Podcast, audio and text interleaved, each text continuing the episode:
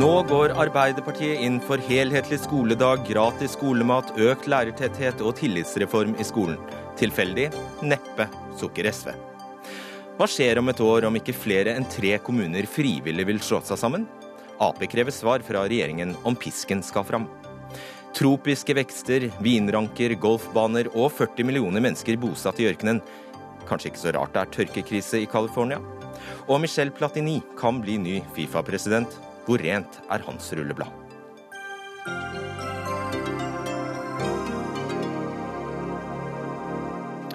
God kveld og velkommen til Dagsnytt 18 i studio, Fredrik Solvang.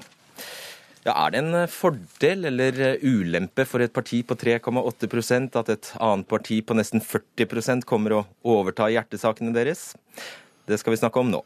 For i Klassekampen i dag sier du, Audun Lysbakken, at eh, Arbeiderpartiet legger seg tett opp til SVs eh, hovedsaker i skolepolitikken. Det er vel bare fint og flott? Ja, det er jo egentlig det. Uh, først sier at dette var jo en observasjon Klassekampen hadde gjort, og ikke noe utspill eller klage fra oss. Fordi, se òg? For SV så er det bra å få bekreftet at vi har hatt rett. Sant? Fordi uh, de tingene vi her snakker om, heldagsskolen, flere lærere, nasjonal norm for å få flere lærere i skolene våre, en tillitsreform som kan gi lærerne tiden og makten over eget yrke tilbake, det vil skape et, en bedre skole og et bedre Norge. SV har jobbet for de tingene i mange år. Eh, men et politisk parti er jo til for å få gjennomslag som andre nå kommer etter oss, sånn som både Arbeiderpartiet og dels Venstre har gjort denne våren. Så gjør jo det at eh, vår sjanse til å få gjennomført dette bare blir eh, større. Og i mellomtiden siger du under sperregrensa? Nei, i mellomtiden har jeg tenkt å karre oss godt over. ok. Trond Giske, nestleder i Arbeiderpartiet. Ja, Miljøpartiet De Grønne kommer og tar SVs miljøvelgere. Feministene utfordrer eget parti for å nevne noe. Har ikke SV nok å bekymre seg for om ikke du skal komme og rappe skolepolitikken deres? Jeg tenker vel at For SV som for Arbeiderpartiet så er det vesentligste å få mest mulig gjennomslag for det man tror på. Det er klart at For SV er det viktig å komme over sperregrensa og være solid representert i Stortinget. Men eh, vi har jo sittet i regjering sammen i åtte år, så det er jo ikke så rart at på en del områder så tenker vi ganske likt. Eh, jeg tror den boka som jeg kommer med ganske snart, Eh, vil eh, inneholde ting som eh, Lysbakken blir veldig glad for å lese, men det kommer også til å være ting som han ikke blir så glad for å lese. Også ting som er kritisk til det som skjedde de åtte årene vi satt i regjering. Men jeg tenker gode ideer til god politikk det fins ofte i mange partier, og det å prøve å gjøre det som er mest mulig fornuftig, uavhengig av hvem som har foreslått det, det er best for elevene. La oss gå litt konkret til verks. Du har altså tatt til orde for en tillitsreform i skolen i Dagens Næringsliv denne uka, nevner du den. Er det den samme reformen som SV tidligere har lansert? Ja, Det vet jeg ikke helt. Eh, fordi Hvis eh, Audun og SV mener at vi skal ta bort eh, de nasjonale testene som vi var med å innføre sammen da vi satt i regjering, så er jeg i så fall uenig. For vi trenger den oversikten over kvalitetsutvikling i skolen.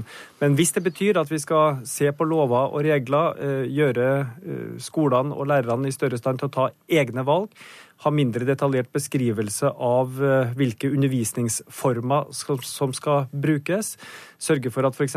beslutninger om eh, tilrettelagt undervisning, kanskje også mer av spesialundervisninga, kan tas eh, lokalt. Redusere dokumentasjonskrav i forbindelse med undervisning og evaluering osv. For å nevne noe, ja så gjør vi lærerne en kjempetjeneste. Vi frigjør tid som de i stedet kan bruke på undervisning, oppfølging, veiledning, eh, sørge for at hver enkelt elev blir sett. Ok, Lysbakken, Er dette avskrift av ditt eget partiprogram? Veldig mye av dette er sånt som eh, SV er for. Eh, vi lanserte tillitsreform som et nytt stort prosjekt for norsk venstreside i fjor.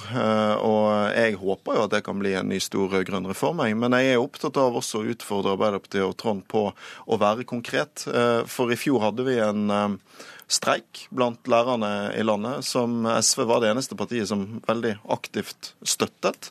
Eh, det gjorde vi fordi vi så at det er en tillitskrise i skolen, som eh, forsterkes av den blå regjeringen, eh, og som kan møtes med en tillitsreform som gir lærerne tilbake autonomi og tid. En av de tingene vi må gjøre for å få det til, det er å redusere omfanget av unødvendig testing i skolen vår, som nå har blitt veldig stort i mange kommuner. Og da er min utfordring til Trond Hvorfor vente til 2017 med tillitsreform? Vi kan jo gjøre mye hvis vi vinner makten sammen til høsten. SV sine folkevalgte går til valg på en testgaranti. Vi kommer til å gå inn for uh, å fjerne de testene, de kartleggingene i kommunene, som det ikke er faglig belegg for å si at fremmer læring. Og Det vil vi gjerne ha med oss flere på. Godt spørsmål, Giske. Du kommer jo haltende etter uansett, så du kan jo like gjerne få fingeren. For det første så sa jeg jo da at vi bør beholde de nasjonale testene vi har. Men det er veldig riktig, som Lysbakken påpeker, at i noen kommuner så er det utrolig ivrige skolepolitikere i bystyret som pålegger skolene veldig mange andre detaljerte krav. Nå har vi hatt to store tidsbruksundersøkelser på nasjonalt plan. Eh, Kristin Halvorsen gjorde noe for å redusere byråkratiet, ikke nok. Eh, Torbjørn Røe Isaksen har gjort svært lite, men han har i hvert fall fått kartlagt tidstyvene en gang til. Men veldig mye av dette handler også om kommunene. Så det hjelper lite at staten reduserer sine regler, hvis ikke kommunene gjør det. Om vi skal gå så langt som å forby kommunene å lage tester og målinger, det er jeg usikker på. men at vi må begrense kommunenes iver etter å pålegge lærerne mer byråkrati, og sørge for at de får brukt tida på læring, undervisning og oppfølging av elevene, det er helt sikkert. Og så har vi temaer som heldagsskole, som har vært en hjertesak for SV. Der har nå Arbeiderpartiet eh, snakket om en helhetlig skoledag, og vi har gratis skolemat, som dere har fått veldig mye kjeft for, og der Arbeiderpartiet nå vil innføre gratis skolemat. Og ikke minst lærertetthet. Mm. Jeg tenker at Mange av disse sakene viser hvorfor, uh, hvorfor SV trengs uh, i norsk politikk og som skoleparti. fordi Hvis en virkelig skal forandre, så må noen gå foran, tørre å tenke høyt og si det som er upopulært. Og Dette med skolematten er et veldig godt eksempel. Vi fikk utrolig mye kjeft. Vi har blitt så mye mobbet for å lansere dette. Nå er det så mange som er for den ideen. Nå er det veldig modent for å gjennomføre. Det er uh, en av SV sine roller i norsk politikk, det å være det partiet på venstresiden som tenker høyt. Men så ser vi jo også at på mange av disse områdene områdene så har Arbeiderpartiet uh, forslag som ligner, men er mindre konkrete. Uh, og Derfor trengs også SV for å få det gjennomført. Hvis vi f.eks. skal få til en nasjonal norm for hvor mange lærere vi skal ha, så må vi jo ha en konkret norm. En norm er ikke verdt noe hvis ikke den er bra. Det vi ønsker oss, er 15 elever per lærer fra første til fjerde trinn, og 20 fra femte til tiende trinn. Det vil skape en ny hverdag i veldig mange norske klasserom, og ikke minst hjelpe de ungene som har størst problemer med å bli sett av lærerne. Og skal du ha noe troverdighet på det området, Giske, som bør vel også Arbeiderpartiet tallfeste? Ja, For det første så tror jeg vi er aller mest enige om at vi må passe på at kommunene nå ikke har så dårlig økonomi at de faktisk sier opp lærere i en situasjon hvor vi har 118 000 arbeidsløse mennesker i Norge. Det er jo helt eh, meningsløst. Men så er, er jo Arbeiderpartiet eh, da på landsmøtet sitt også gått inn for en norm, men vi har sagt at vi skal konsentrere oss om de yngste. Forskninga viser at det der lærertetthet betyr mest. Eh, og det kan godt hende at omtrent 15 elever per lærer kan være et riktig nivå. Eh, men så er det dette med gratis skolemat. Her mener jeg at det var en av de store feilene vi gjorde i de åtte årene vi satt i regjering. Vi finansierte skolematen over skolebudsjettet og gjorde det lett for Høyre å si, som det er helt riktig, at det er viktigere med gode lærere eller etterutdanning for lærere eller mange andre ting for å skape god læring. Skolemat kommer veldig langt ned på lista over god skolepolitikk. Men når det gjelder god helsepolitikk, kommer skolemat veldig høyt. Kosthold og forebygging sparer oss for milliarder i sykehusutgifter. Eh, så vi burde ha finansiert skolematen over helsebudsjettet, holdt det helt, helt utafor skolediskusjonen. Akkurat som f.eks. skoletannlegen. Det er jo ingen som sier skal du virkelig ha skoletannlege? Vi burde brukt penger på gode lærere, fordi det er en del av helsebudsjettet utafor skolediskusjonen. Det, det, er jeg helt enig med Tronny, og det, det, er litt artig, for det var akkurat det SV foreslo i statsbudsjettet for i år. Eh, da bevilget vi i vårt alternative budsjett eh, skolemat over Helsedepartementets budsjett. Det er kanskje det viktigste folkehelsetiltaket vi kan gjennomføre. Får du det inn i en heldagsskole der det er mat, der det er fysisk aktivitet for alle, så vil det være verdt mer enn kanskje noen annen investering vi kan og, gjøre i helse. Og til slutt vil jeg bare gripe tak i resonnementet ditt. Du sier at det er, et, det er smigrende omtrent for SV å bli plagiert av de andre partiene, og at det er en styrke for dere. Men med så mange gode ideer og så få velgere, så burde det jo kanskje omformes til en tankesmi eller noe? Du vet, Jeg mener jo at SV fortjener flere velgere. Jeg tror at valget i september kommer til å gi oss det. Men, men rent flertall er det et lite stykke til. Eh, derfor er det bra at andre partier kommer etter. Ta heldagsskolen har blitt en stor debatt i, uh, i, norsk politikk denne våren, fordi Arbeiderpartiet og Venstre nærmer seg den ideen. Men det er jo SV som er drivkraften. Et annet eksempel som jeg tror kommer til å komme nå. Om noen år så får vi en skole der leksene gjøres på skolen og ikke hjemme. I dag er det bare SV som går inn for det. Om noen år kommer de andre etter. Eh, og det tenker jeg er noe av vår rolle. Vi skal ikke bare være med å gjennomføre, vi skal tenke høyt og føre de andre. Og da, Giske, da er det et poeng at du ikke har knust SV på veien? Nei da, og jeg har eh, jeg tror i boka mi stjålet eh, noen gode ideer fra Høyre også, til, til og med fra Venstre. Og så er det forhåpentligvis noen helt nye gode ideer som SV kan låne av oss. Tusen takk skal dere ha, Audun Lysbakken og Trond Giske. Dagsnytt 18 alle hverdager kl 18.00 på NRK P2 og NRK2.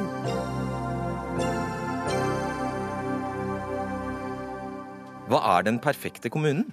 Kan det være en kommune som Bardu i Indre Troms, med en av Nord-Norges laveste arbeidsledigheter på 1,1% færre sosialhjelpsmottakere, få uføretrygdede, høyest levealder, god folkehelse, høye fødselstall og høyest utdanningsnivå i landsdelen? Nei. For hvis regjeringen mener at norske kommuner bør ha minst 15 000 innbyggere, ja da kommer Bardu til kort med sine 4000. Det blir snart eh, debatt om eh, regjeringen vil bruke tvang dersom ikke flere enn de tre kommunene som hittil vil slå seg sammen frivillig, gjør det. Men eh, først til deg, Arbeiderpartiordfører i Bardu, Arne Nystø. Denne smigrende oppramsingen bruker vel du som bevis for at kommunen din klarer seg fint selv? Ja da, det er en fantastisk oppramsing. og, og et bevis på at det er kloke politikere som har styrt både kommunen og, og landet i mange mange år, som har gjort at vi har kunnet levert så gode tjenester og, og kommet dit der, der, vi er i dag. Men så... om det er nok det for framtida, det er jo en, et godt spørsmål. Men utgangspunktet ditt er at uh, alle piler peker i rett retning for din kommune, og at du ikke ser noe åpenbart og umiddelbart behov for å slå deg sammen med noen? Ja, det, det er jo lett å trekke den konklusjonen. Uh, men det er jo da det, det skapes en viss usikkerhet da, gjennom uh, det arbeidet som vi nå står midt oppi, og som vi for så vidt er, er for. Altså det å utrede eh, situasjonen knytta til om vi skal slå oss sammen med andre, eller, eller eh, om vi klarer oss godt eh, for oss sjøl. Og der er arbeidet i gang? Og, ja, der er arbeidet godt i gang. Men det, det som, eh, som, kommer for en dag da, når man driver og, utreder dette i, i vår region, det er jo at eh, det tegnes et bilde av noen effektiviseringsgevinster som handler om hvordan tjenester skal produseres inn i framtida. Det bekymrer meg litt, for der tror jeg vi har eh, Det ser ut som man må tegne et nytt kart der eh, man må samle seg mer i nye regioner og nye eh, sentra, nærmest, for å klare å levere tjenester til folket inn i framtida. Mm. Du, Ole Johan Rødvei, du er ordfører i Balsfjord, eh, litt nord for eh, Bardu og representerer Høyre. og Kommunen din er litt større enn Bardu, men du er ikke redd for at lokaldemokratiet skal lide om Balsfjord slås sammen med nabokommunene. Hvorfor ikke? Nei, tvert imot. Jeg tror at eh, det lokaldemokratiet kan blomstre faktisk da. Det ser for meg i, i, i større, en større sammenheng, så kunne man opprette eh, bygdeutvalg eh, som derigjennom kunne, kunne få demokratiet mer opp enn det er per i dag. Eh, når du hører denne oppramsingen om Bardu, så blir du kanskje misunnelig. Ser du at Arne Nysted ikke har like mange insentiver som deg til å slå seg sammen med noen? Nei, altså, jeg, ser, at han, han, snakker om det som, eh, sånn som det er dagen er i dag, men han snakker ikke om, om framtida. Jeg, jeg, eh, tenker på befolkningas beste, og eh, hele tida er det befolkninga som er det viktige i denne saken. Og jeg tenker, hva vil skje kanskje om 15 år hvis vi ikke tar grep i dag? Nyste? Det er jo det som er vårt perspektiv. Altså, alle politikere, både nasjonalt og, og lokalt, har ett formål, og det er å bygge gode samfunn. Og eh, I gode samfunn så må det være tjenester til stede, gode tjenester til folket der de bor. Og Det er vårt eh, perspektiv på alt det vi gjør. Og veldig kort til slutt, Du frykter tvang? Ja, vi er for frivillighet. Definitivt. Hva med deg, Rødveig? Frykter du tvang? Nei, jeg frykter ikke, jeg frykter ikke tvang, men, men, eh, kanskje må, av og til må, må, må, det tas noen grep som, som vi i dag kanskje syns er litt problematisk. Takk skal dere ha. Arne Nuster, ordfører i Bardu, og Ole Johan Rødvei, ordfører i Balsfjord. Ja, regjeringen skjuler at den vil bruke trusler og tvang for å slå sammen kommunene, sier Arbeiderpartiets Helga Pedersen til Dagens Næringsliv i dag. Så langt er det altså bare tre av de 428 kommunene som har bestemt seg for frivillig å slå seg sammen, og fristen regjeringen har satt går ut neste sommer. Eh, hva er det du etterlyser fra regjeringen her i kveld, representert ved stortingsrepresentant Henrik Asheim fra Høyre, Helga Pedersen? Nei, Jeg mener jo at eh, regjeringa nå må klargjøre hva de egentlig mener. For vi har i mange sammenhenger hørt at representanter for regjeringa sier at man legger frivillighet til grunn. Eh, samtidig så har de laga en prosess som bygger på eh, tvang. Og det ytterste uttrykket for det er jo at man har lagt opp til at Stortinget i 2017 skal vedta et nytt kommunekart. Og, og det trenger man jo ikke gjøre hvis kommunene slår seg sammen frivillig. Da, da, kan man bare stemple det underveis. Ikke sant. Og da er det jo også ganske betimelig å spørre deg om hva som står i Arbeiderpartiets program om dette? Ja, Arbeiderpartiet eh, bygger, eh, vil at kommunesammenslåinger skal basere seg eh, på frivillighet. og Det er jo noe som vårt landsmøte understreka veldig tydelig i vår. Og så står det også det... unntak fra dette frivillighetsprinsippet vil likevel kunne være aktuelt i helt spesielle situasjoner der enkeltkommuner ikke må kunne stanse endringer som er hensiktsmessige ut fra regionale hensyn. Hva betyr det? Ja, I vårt eh, partiprogram som eh, ble vedtatt i 2013, så sa vi at det er behov for endringer i kommunestrukturen i Norge, at det skal basere seg på frivillighet. Vår tankegang den gangen var jo at man skulle støtte opp om eh, lokale initiativ for sammenslåing. Vi har jo aldri tatt til orde for en storstilt kommunereform der målet om å bli større skal være overordna alt annet. Og Det vi så når vi kom i gang med denne prosessen, det er at den unntaksregelen passer ikke så godt til den prosessen som regjeringa har laga. Derfor har vi jo understreka eh, at for Arbeiderpartiet så er det frivillighet som ligger til grunn. Vi er for at alle kommunene skal ta runden, diskutere framtidas struktur, men vi vil respektere de svarene man kommer frem til lokalt. Ok, Henrik Asheim, stortingsrepresentant for Høyre. Det er naturlig at Helga Pedersen og Arbeiderpartiet spør om dette. Det er bare ett år til, og da må du faktisk ha et svar. Jeg syns det er helt merkelig at Helga Pedersen spør om dette. og det er to grunner til det. For det første tror jeg Helga Pedersen og Arbeiderpartiet nå har ment hatt alle standpunkt de kan ha om kommunereform. I 2010 så ville Helga Pedersen ha en nasjonal kommisjon som skulle tegne hele kartet. Et stort mer sentralistisk blir det ikke. Så har de gått til Stortinget hvor de har vedtatt den formuleringen som programlederen eh, gjenga, er ikke bare fra Arbeiderpartiets program. Den er vedtatt av Stortinget akkurat slik den er skrevet i Arbeiderpartiets program. Og det er at frivillighet skal være målet. og Derfor så sier man at man både smører reformen med ganske mye penger, altså kommuner som slår seg sammen, beholder hele overføringen i 15 år, eh, og en del sånne ting som det. Vi sier også at vi skal gi flere oppgaver til større kommuner osv. Men vi sier at i siste instans så har vi da rett og slett rappet hele Arbeiderpartiets programpunkt, for det er ganske godt. Så kan det hende at Stortinget må slå sammen. La oss si at fire kommuner vil slå seg sammen. Tre av dem sier ja, og én sier nei. Og da kan det godt hende at, kommunen, at Stortinget må ta det eh, grepet. Men at Helga Pedersen nå etterlyser hva vi mener, er litt pussig, ettersom hun har vedtatt et program som også da er vedtatt i Stortinget. Det er veldig stor forskjell på det regjeringa har lagt til grunn, og det eh, Arbeiderpartiet har eh, sett på som eh, prosess her. Og Hedrik Asheim siterer jo veldig selektivt fra det vi sa eh, i våre stortingsmerknader i fjor. Eh, vi sa jo der at vi ikke stiller oss bak reformen fordi at den bygger på eh, tvang og et veldig sterkt tidspress. og det handler jo om at kommunene har fått en veldig knapp frist til neste år med å vedta sammenslåinger. Det handler om at de økonomiske virkemidlene er tidsavgrensa, samtidig som regjeringa somler med å avklare ganske viktige forutsetninger som det er viktig for kommunene å vite noe om når de skal gjøre sine vedtak, f.eks. hva slags oppgaver de skal ha i fremtida. Så langt er det kun bagateller som er levert fra regjeringa sin side. Så det her handler jo om at Jan Tore Sanner sjøl er i ferd med å torpedere sin egen kommunereform eh, fordi han ikke har levert på oppgavene som var selve utgangspunktet for reformen da den ble presentert. Men jeg må si at den linjen som Helga Pedersen Arbeiderpartiet legger på nå, den er ganske skuffende. Fordi Arbeiderpartiet historisk sett har vært et parti som sammen med Høyre kunne stå sammen om noen store, viktige reformer. Hvis man hører på hva Pedersen sier nå, så er det altså at hun er for kommunereform, hun vil ha færre kommuner. Nei, uh, og at hun er for programmet som er vedtatt i Stortinget, men hun er kritisk til alt regjeringen gjør. Og det er litt pussig.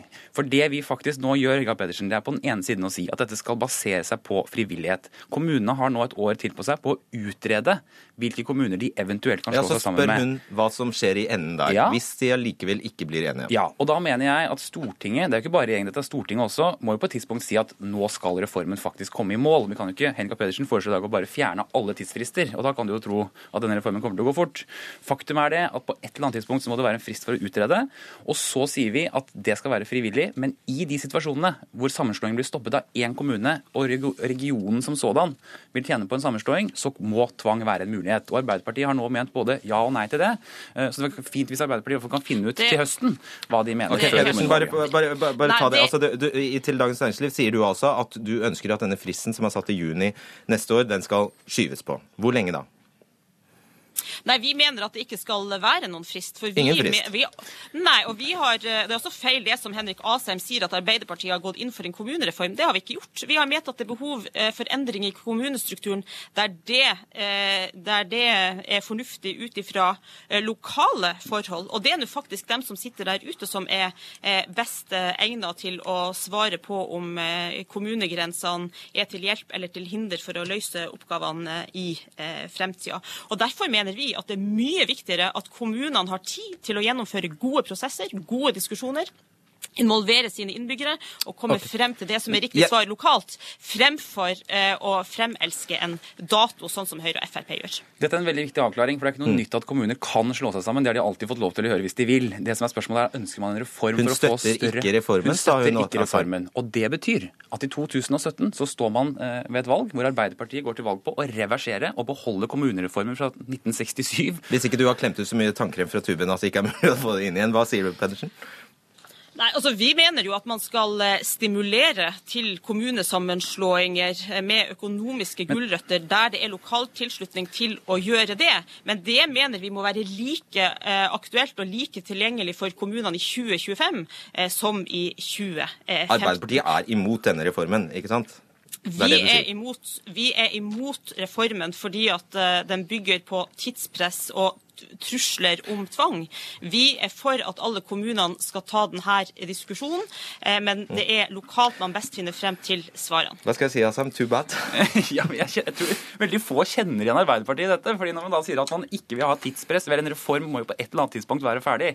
Eh, nå sier de at de er mot hele reformen, men de er for at man skal kunne slå sammen kommuner, men de vil ikke ha insentiver for å gjøre det. Og så er de mot den jo. formuleringen de selv har i sitt eget program som Stortinget har vedtatt. Nei. Og jeg tror ikke det bare er Høyre som er litt forvirret nå. Jeg tror ganske mange velgere også blir det. Og faktum er at ute i landet nå så pågår det veldig mange gode prosesser. Ute i kommunene så er det mange som snakker sammen, ser på hvordan de kan bli en større region. Dette er ikke bare en småkommunereform. Det finnes også, sånn som i mitt hjemfylke Akershus, sværere pressregioner, men som har kunstige kommunegrenser seg imellom. Men altså, det Arbeiderpartiet nå egentlig gjør, er å, legge, er å skyve problemet. Altså, Dere får dette problemet i fanget i juni 2016. Høyre og Frp og KrF og Venstre. Og KrF og Venstre. Men opposisjonen får det altså ikke i sitt fang. Altså, de fire samarbeidspartiene har sagt at vi skal ha en kommunereform for å få mer robuste kommuner. At Arbeiderpartiet nå velger å melde seg ut av den prosessen, som er en av de største velferdsreformene jeg tror vi kommer til å ha de neste ti årene, er jo interessant for velgerne. Men det betyr jo også da at Henrika Pedersen akkurat nå har meldt dem ut av hele diskusjonen. Har du gjort det? Vi er imot reformen, men vi er definitivt for mer robuste kommuner. og Det handler jo både om at vi støtter opp om frivillige kommunesammenslåinger, og ikke minst at vi ønsker å styrke kommuneøkonomien kraftig. For du får ikke bedre skole og eldreomsorg av å endre kommunegrensene. Det gjør du ved å gi kommunene ressurser til å ansette lærere og eh, helsepersonell. Og så tror jeg, når vi kommer til 2017, så tror jeg vel kanskje også erkjennelsen har eh, sklidd inn i stortingsflertallet at det er uklokt å presse gjennom tvangssammenslåinger noen måneder uh, før man kan få et uh, regjeringsskifte. Så og der fikk vi planen. Takk skal, ja, takk skal, dere ha. så mitt råd ja. til kommunene det er å ta diskusjonen på en grundig måte, men gjøre det som man anser er best eh, der man bor. Så tror jeg at stortingsflertallet etter hvert vil komme til fornuft. Jeg tror vi er mange som savner i Arbeiderpartiet som turte å ta i reformer og bli med på det, men det er Høyre som må ta ansvaret nå. Takk skal dere ha, Henrik Asheim og Helga Petersen.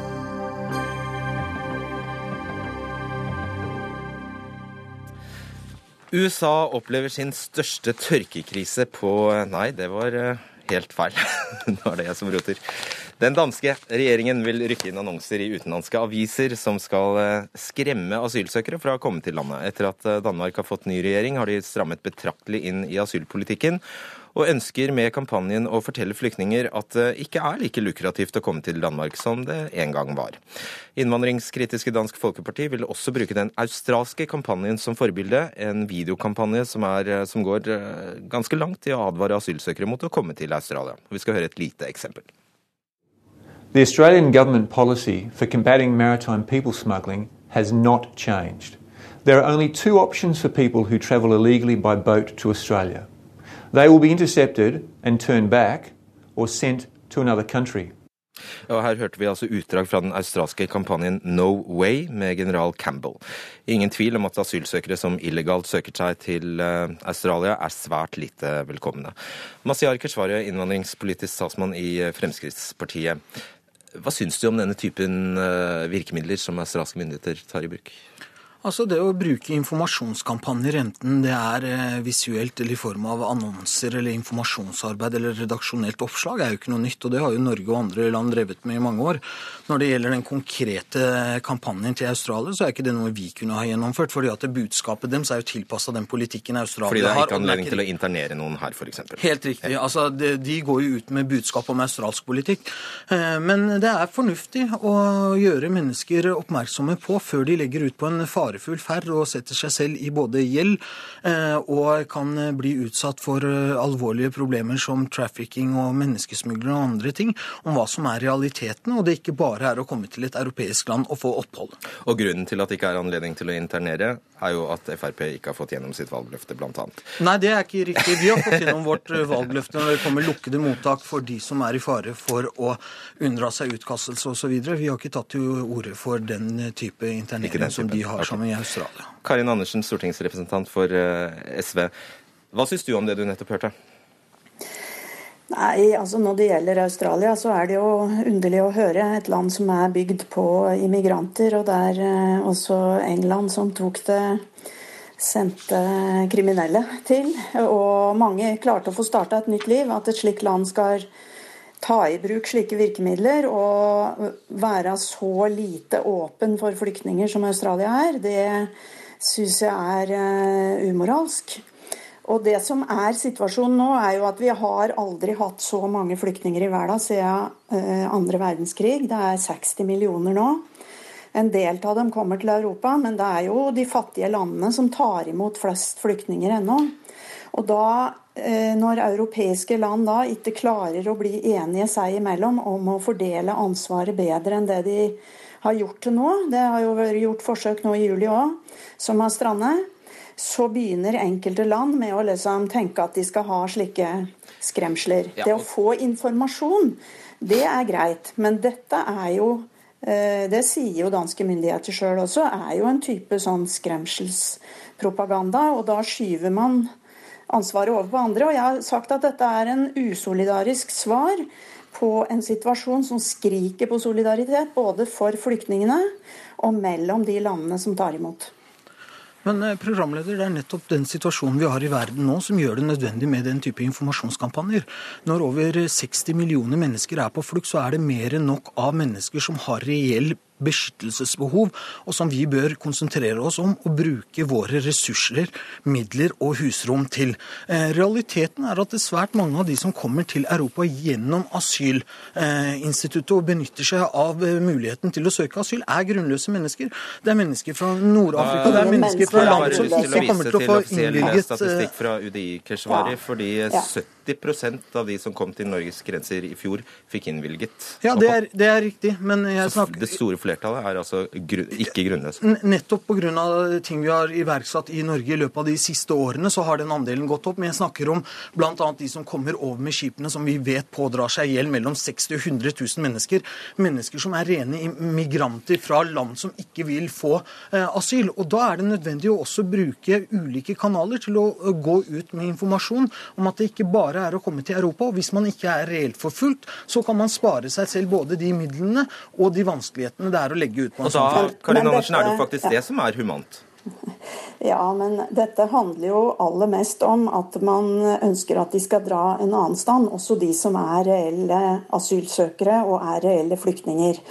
Og nå er altså Det er 60 millioner flyktninger, og flertallet av de som legger ut på denne farefulle ferden, kommer ifra land der det enten er krig og konflikt, eller fra land som har despotiske regimer som eh, fengsler folk uten eh, lov og dom, og der du risikerer livet hvis du eh, blir. Så det å gå ut med disse kampanjene og tro at det bare er de som er økonomiske migranter som kommer til å bry seg om dette, det er jo rent tankespinn. Dette er kampanjer for, for, enkelte land som ønsker å skyve ansvaret for de flyktningene som kommer, over på andre land, i stedet for å være du, solidariske med, med, andre land. Og Her har jo EU nå ja. Der stranda jo disse forhandlingene nå i juli, der de forsøkte å finne en løsning på dette. Fordi noen av landene tar imot mange, mange flere, nettopp fordi de er grenseland til Middelhavet og til konfliktområdene. Og da det jo, hadde det jo vært på sin plass, mener SV, at de landene som både har eh, gode ressurser og som tar imot færre, burde være med og dele dette ansvaret litt mer rettferdig enn det som skjer i dag. Keshvari, eh, Bakgrunnen her er jo at den danske integreringsministeren fra partiet Venstre eh, oppdaget en, eh, et slags skjema som florerte blant menneskesmuglere, der man hadde satt opp hvor store ytelser, sosiale ytelser man fikk i de forskjellige europeiske landene. Og Ifølge dette skjemaet, som jeg ikke kan gå god for kilden til, så kommer jo faktisk Norge nest best ut. Vi er de blant de landene som gir mest i eh, ytelser. Du skulle ikke gjort noe med det da, i stedet for å prøve å skremme dem? Nei, altså, Jeg har aldri tatt til orde for å skremme noen som helst. Jeg har snakket om å ta, gå ut med informasjon slik at mennesker som ikke har behov for beskyttelse, ikke setter seg selv ut for fare og pådrar seg gjeld. Men det er klart at man er nødt til å se på også de delene av det. Eh, men det aller viktigste er å bruke de ressursene vi har på de mennesker som er reelt forfulgte, og det er det mer enn nok av i verden.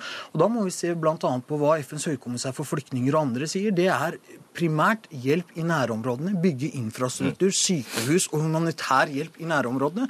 For det er nærområdene som tar den største belastningen ved kriger og katastrofer uansett. Og det er jo det som har vært Fremskrittspartiet sin linje. Og dernest så er det å ta imot det vi har kapasitet til å gi reell hjelp og mulighet til å lykkes i Norge.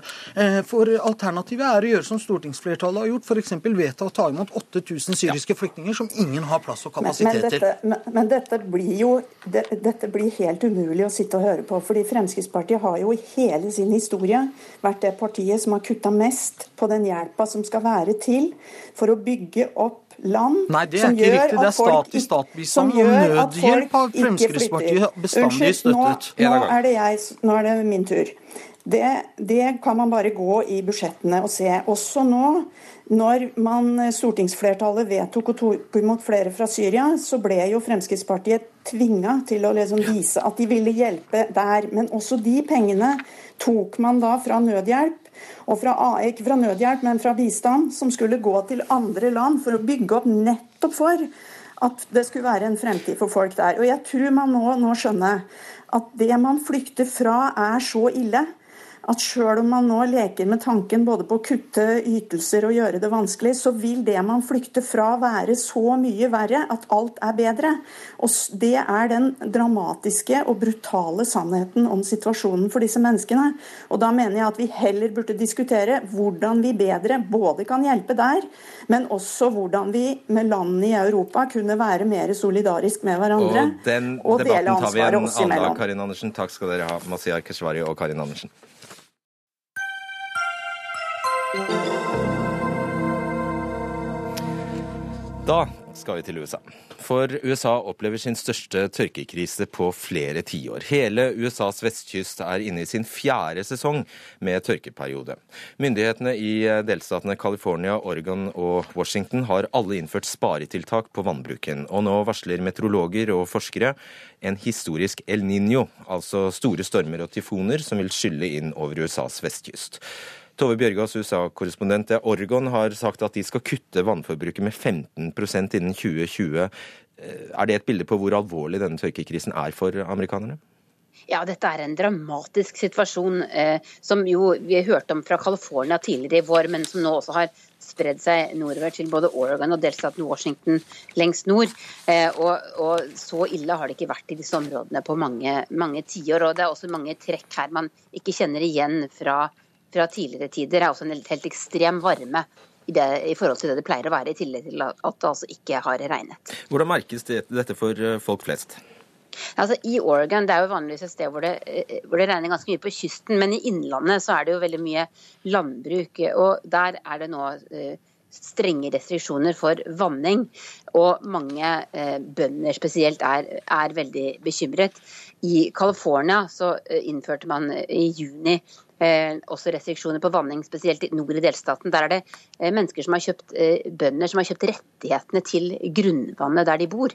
Men, men det er altså nå ikke nok vann til at de som har kjøpt rettighetene kan klare å vanne de har da brutt disse restriksjonene som myndighetene har innført. Og, og, og her er det nå åpen strid om hvordan dette skal føres videre. Men det som er helt klart, er at det er altfor lite vann.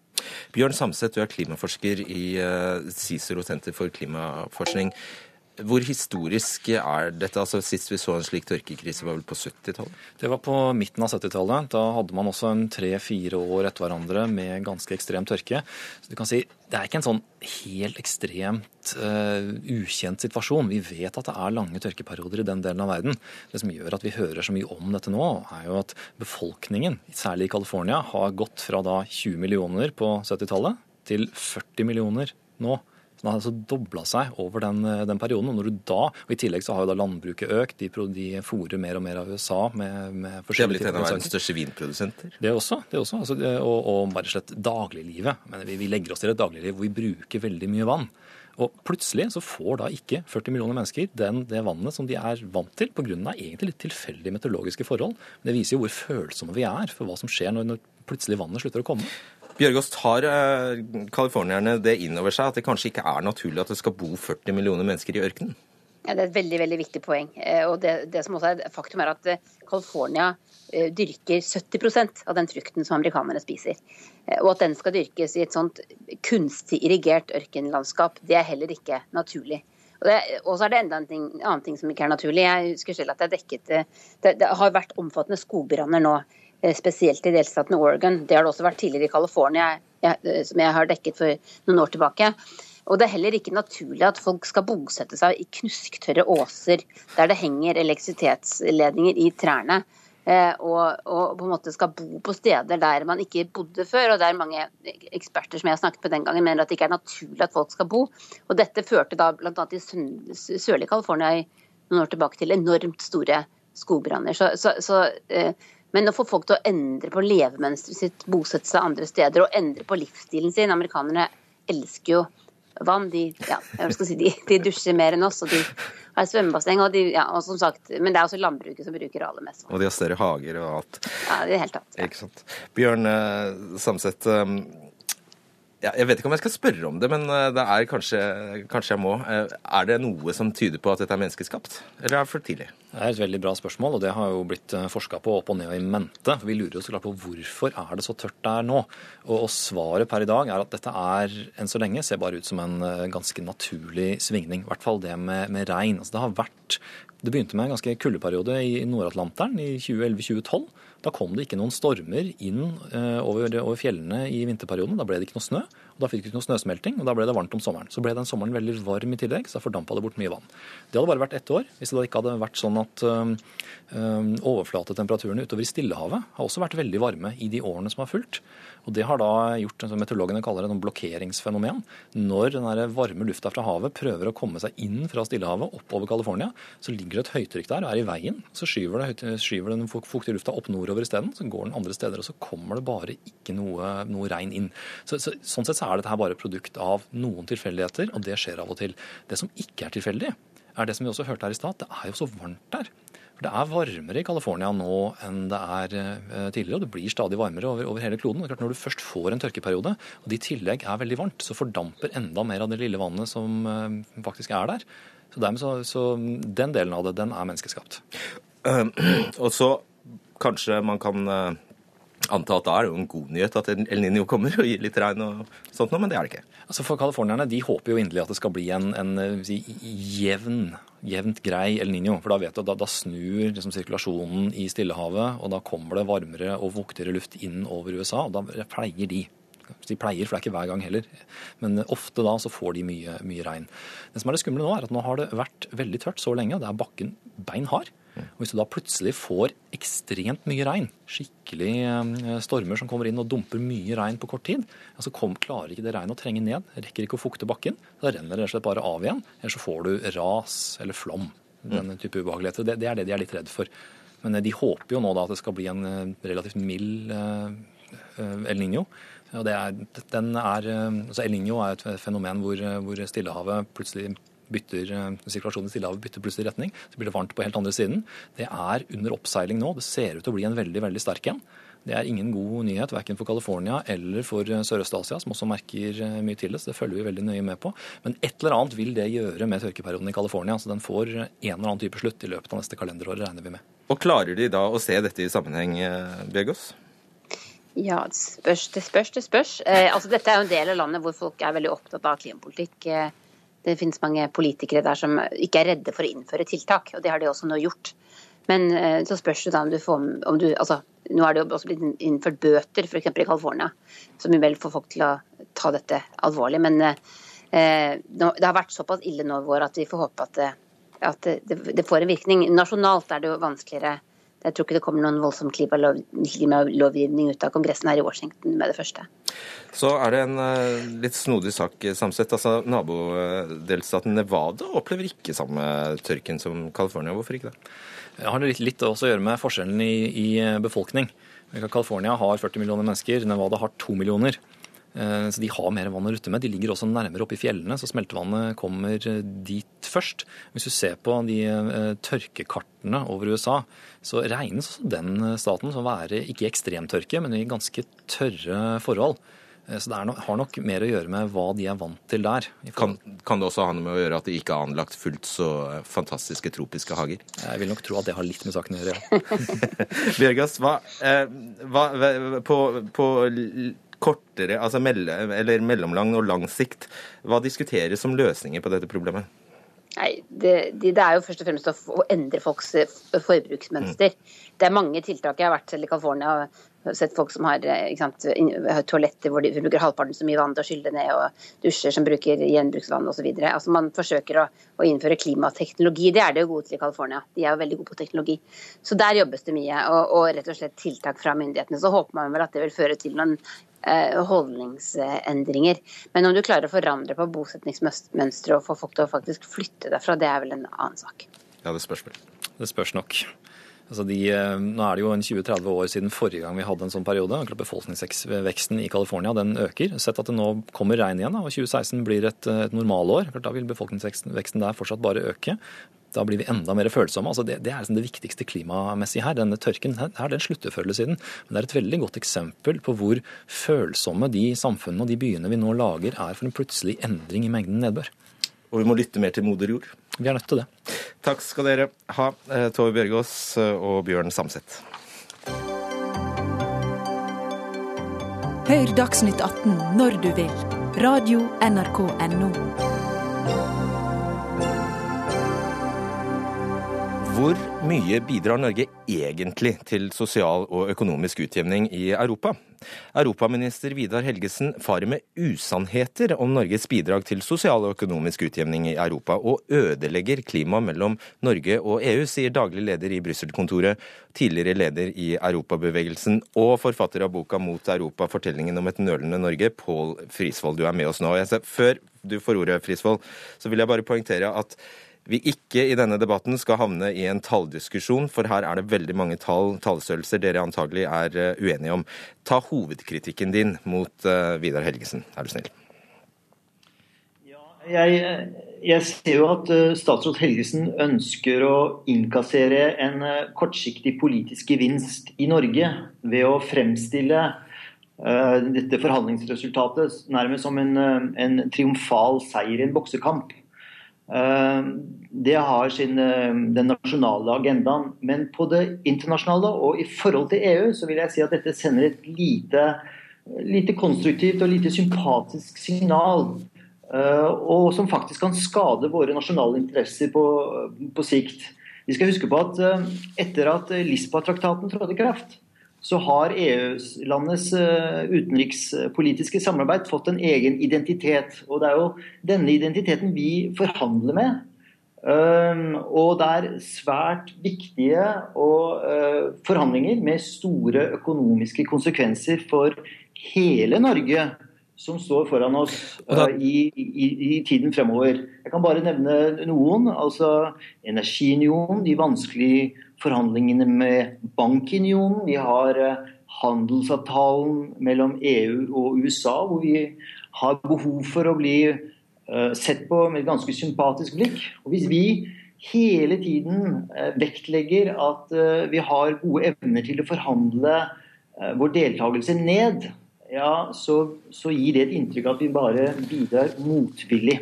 Ok, Vidar Helgesen, statsråd og stabssjef ved statsministerens kontor for Høyre. Du kom altså hjem fra Brussel og feilinformerte oss, ifølge Frisvold? Nei, det er uh, med respekt å melde tøv. Jeg uh, har lagt veldig stor vekt på, faktisk, og ord for ord si det samme i norsk offentlighet som jeg har sagt både til EU-landene og til kommisjonen nemlig at eh, deres utgangskrav var og det, De ordene jeg har brukt er urimelig, urealistisk og uakseptabelt. Jeg har lagt vekt på å si det overfor EU-landene, og de har forstått det. Det er derfor eh, EU har eh, gjennom disse halvannet årene beveget seg så kraftig ned som det de har gjort. Og det er derfor vi har fått eh, en avtale som er en meget god avtale for Norge. Og du har ikke falt for fristelsen til å være litt for ridderlig i din eh, presentasjon av dette her hjemme? Nei, Jeg er enig med Frisvold at man skal ikke innkassere nasjonale seire som eh, går på bekostning av internasjonalt samarbeid. Og Det har vi heller ikke gjort. Det er derfor det er viktig å være ærlig med EU-landene, og det, er det, har vi vært. Og uh, bruke de samme ordene og begrepene hjemme og ute. Og så er det jo ikke sånn at EU er uvant med tøffe forhandlinger, også om penger. Uh, det har vi jo sett uh, mye av i det siste. Og Norge har hele tiden gjort klart at vi er villig til å gi et eh, sjenerøst EØS-bidrag. Men det må være en sammenheng mellom den økningen vi skal gi, og den økningen EU selv gir til de samme formålene. Derfor vi er veldig tilfreds med at vi har fått en økning som tilsvarer om lag en inflasjonsjustering. Frisvold, du hører altså at Helgesen hevder han, han har bare sagt det samme i Brussel som i Oslo. Ja, nei, altså, jeg forstår, eh, jeg forstår, det, men eh, her nede så de, de, tallene som vi får her nede, er ca. Jeg skal ikke gå for mye detaljer, men ca. 393 millioner euro per år.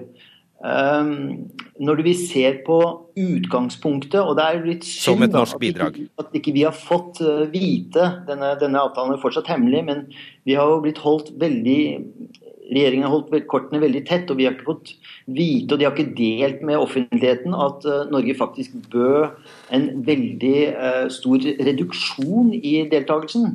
Altså, det er klart at etter, uh, etter norske bidraget, etter det norske forslaget til bidrag til Kroatia, så følte EU-landet at de måtte be utenrikstjenesten om å gå høyt på banen. Slik at summen av dette her viser jo at eh, begge parter har måttet gi. Og Det er det jeg savner i, i fremstillingen til statsråd Helgesen.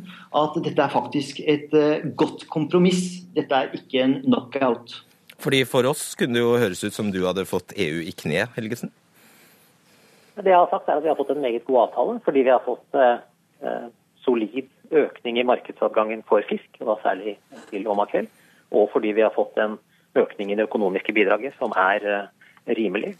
Og eh, jeg skjønner at Frisvold er frustrert over at han eh, ikke har tilgang til alle tallene. og Det er fordi at EU ikke ønsker å offentliggjøre dette før det har gått de nødvendige prosessene på EU-siden. Og, og, Det kan Frisvold være frustrert over, men han bør jo likevel ikke gjøre det han gjør i Dagens Næringsliv, nemlig å bruke feil tall. Han bruker tall seks-syv ganger, og fire av de er feil. Og når han snakker om, om, eh, at Norge ikke ga et stort nok bidrag til Kroatia, ja, så var det jo faktisk sånn at Kroatia ble medlem i 2013. Og det var ti måneder igjen å bruke penger på. Det er grenser for hvor mye du kan uh, bruke på ti måneder. Okay, svar, og Kroatia ja. var ikke noe tema i disse forhandlingene. Svar kort på det, Frisvold. Nei, altså det, det, er helt klart at um, vi som står utenfor, har ikke sett detaljene. Og det, det, ser vi frem til. Og jeg tror det er bra at vi får til denne debatten her, som viser at det er nyanser i dette samarbeidet. Og skal vi ha en god, åpen europadebatt i Norge, ja, så er det viktig at vi får vite litt mer om begge sidene av forhandlingene. Og ikke noe som jeg fortsatt påstår er en ganske skjev fremstilling av resultatet. Dette var et viktig kompromiss hvor begge måtte, måtte gi. Men slik er det dessverre i, uh, altfor ofte i norsk europapolitikk. At uh, regjeringen holder tilbake informasjon for å selv definere utfallet. Det er ikke til gode for norsk europapolitikk, og ikke til gode for vårt forhold til omverdenen. Hva er det heter vi må våge å ta debatten? Vi prøvde det her i kveld i hvert fall. Pål Frisvold og Vidar Helgesen, takk skal dere ha.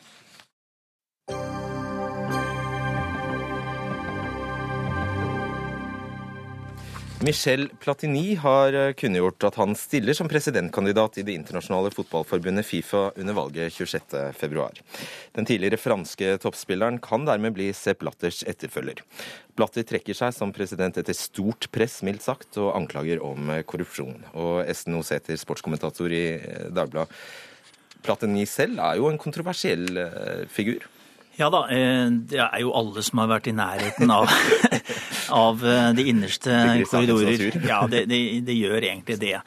Og jeg tror at, eh, jeg tror at eh, det må man på sett og vis klare å, å, å snakke rundt, eller, eller, om, rett og slett. Og, det er ikke det som er det mest spennende i, i dette valget, syns jeg. Jeg syns det mest spennende kommer til å være har, er Europa så sterke som vi egentlig tror? Eh, vil vi være i stand til å endre maktbalansen i internasjonal fotball når eh, fotballen er blitt så global som den er blitt. Det syns jeg er eh, kjempespennende rent idrettspolitisk.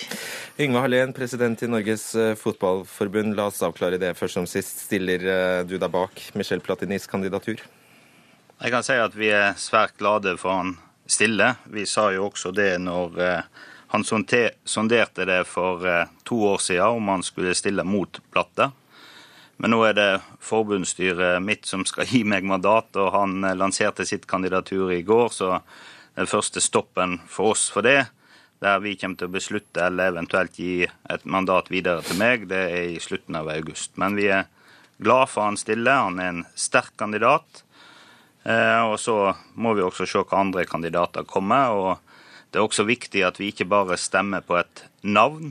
Eh, jeg tror at også opinionen i Norge ønsker å vite hva en ny Fifa-president skal eh, bidra med. Fortell oss det, Karen Espelund, styremedlem i Uefa, og en av dem som har jobbet tettest med Platini. Hvem er han?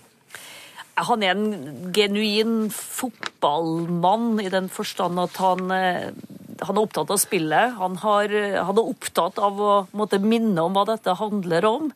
Og så er han innimellom, og det mener jeg er positivt, en litt sånn stor gutt. Han er en sjarmerende mann som har blitt en god fotballpolitiker. Eh, det kan høres litt sånn arrogant ut å si det, men alle er jo i utvikling. I så måte også Platini. Han er blitt en god fotballpolitiker som har oppnådd eh, et godt renommé i, i europeisk fotball. Ingen det, tvil om det. Er det et dumt spørsmål, siden du er styremedlem i Uefa. Støtter du han? Ja, altså, nå ikke, har ikke jeg noe stemmerett på Kongressen, Nei. så det skal Yngve Hallén få lov til å gi uttrykk for på vegne av, av Norge. Men eh, jeg tror Uefa-styret vil stille seg bak eh, Platinis eh, kandidatur. Vi har eh, ikke Dette ble også, som Yngve sa, offentliggjort i går. Eh, slik at jeg tror nok styret vil stille seg bak eh, presidenten. Men du, hvor ble det da av den arabiske prinsen du støttet så varmt for litt siden? Nei, Prins Ali eh, har varslet at han muligens er kandidat, i likhet med et beite på en eh, tre-fire-fem andre. Det vet vi ikke ennå. Nå er fristen for å melde kandidaturet sitt i slutten av oktober. Så det vil jo på mange måter, har vi jo hele tiden sagt, at det er en styrke for enhver organisasjon at det kan finnes flere kandidater. Men når Platini nå stiller, så er det ikke noe tvil om at han har sondert at han har støtte utover Europa. Uh, Sæther, det var vel i siste sving at, han, at Platini uh, kastet seg på og kritiserte Blatteville? Ja, de har jo jobbet tett sammen, og det, det er ålreit, det også. Altså, jeg jeg syns i denne saken her så er det viktig å se mm, se tosidig hva er det som har skjedd med internasjonal fotball. Og det, det gode som har skjedd, er at den siste 15-20 årene så er det blitt en fordeling av ressurser. Eh, det dårlige som har skjedd, er at det var noen som tok av det lasset, eh, altså av den fordelingen. Og Det har vi opplevd i type uhjelp tidligere. Og det opplever da internasjonal sport, og det er veldig grovt det som, det som hendte. Men man skal ikke reversere på tanken om at fotballen hører til hele verden.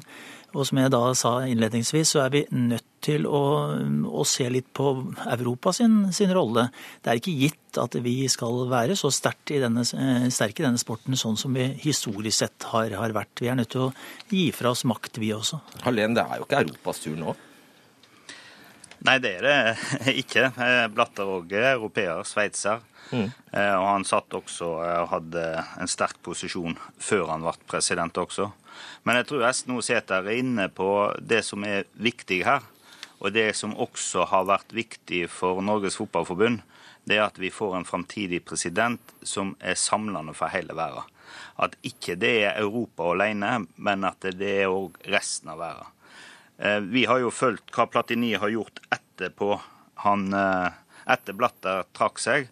Og den tiden har han brukt godt. Og det er sånn at det kommer ikke som en stor overraskelse når han da ringte og sa at han ville stille. Eh, da eh, visste vi vel nærmest at eh, han ville det, hvis han fikk støtte for resten av verden. Ja, dere, så vet vi at én ja. ting er støtte rett over bordet eller i en hyggelig middag eller sånt. Noe annet er når andre kandidater kommer opp og debatten starter. Og Derfor er det veldig viktig at han nå fort kommer på banen også med å si hva som er hans Fifa-program. Hvem kan de andre være? Nei, De som har meldt seg, er jo Syko vi har en eh, Liberia, Liberias fotballpresident har meldt seg. Chung Moon, som er den gamle sørkoreanske fotballpresidenten, også et tidligere Fifa-styremedlem, har sagt han ønsker å stille. Eh, så jeg tror det er litt tidlig å konkludere hvordan eh, dette utvalget vil se ut. Så tror jeg nok det faktum at Platini stiller, og så, helt åpenbart med også støtte fra, fra andre sterke konfederasjoner utenfor Europa, som er helt nødvendig, at det også kan gjøre at noen kandidater kanskje tenker seg om. Mm. Uh, Setter, det er vel hevet over enhver tvil at det må uh, en ryddeprosess til Uefa er, er ja. Platini der regnes som mann? Det, det, kan han være. Altså jeg, jeg, er ikke så veldig opptatt av, av, det han har vært med på, egentlig, i, i så måte. Jeg er opptatt av av hva man klarer å få til i det reformarbeidet som, som kommer. Jeg, jeg, ser at de eh, nå nylig ble angrepet av IOC-president Thomas Bach, eh, som var opptatt av at det måtte komme en endring i Fifa. Eh, altså Den olympiske bevegelsen har brukt 15 år på å bli noe bedre. Eh, jeg tror sikkert at det kommer til å ta tid, men det har også noe å gjøre med hvor lenge skal folk få lov til å sitte med makt. Det er et nøkkelspørsmål her, og det blir jo da utredet i den komiteen som de nå har i, har i arbeid. Og det gjelder ikke bare Det internasjonale fotballforbundet, det gjelder kontinentale forbund og det gjelder nasjonale forbund. Hallén, har du lyst til å si to ord om eh, Platinis sønn, som hadde et engasjement i Qatar, eller noe sånt? Nei, det tror jeg. Det som er viktig i slike saker, også knytta til Qatar, det er at en er åpen og ærlig på hva en stemte på, og hvorfor en gjorde det. Og Vi har jo utfordra direkte Platini på det, og han eh, var ganske tydelig på at nå har vi gitt eh, verdensmesterskapet til Nord-Amerika, vi har gitt det til Afrika, vi har gitt det til Asia. Det kan ikke være deler av verden som ikke kan få det. Derfor syns han at Midtøsten var et greit valg. Men Qatar sa vi da var et dårlig valg i det. Det går an å finne bedre løsninger. Men For det er veldig mange gode å velge mellom der, mener du? ja, han, han, får, han, får, nå en kjempeutfordring med Qatar ja. hvis han blir Fifa-president. Men på samme måte så takler han jo også Han var jo motstander av EM til Polen-Ukraina. Og han takla jo det når han ble Uefa-president og arrangerte et godt mesterskap der likevel.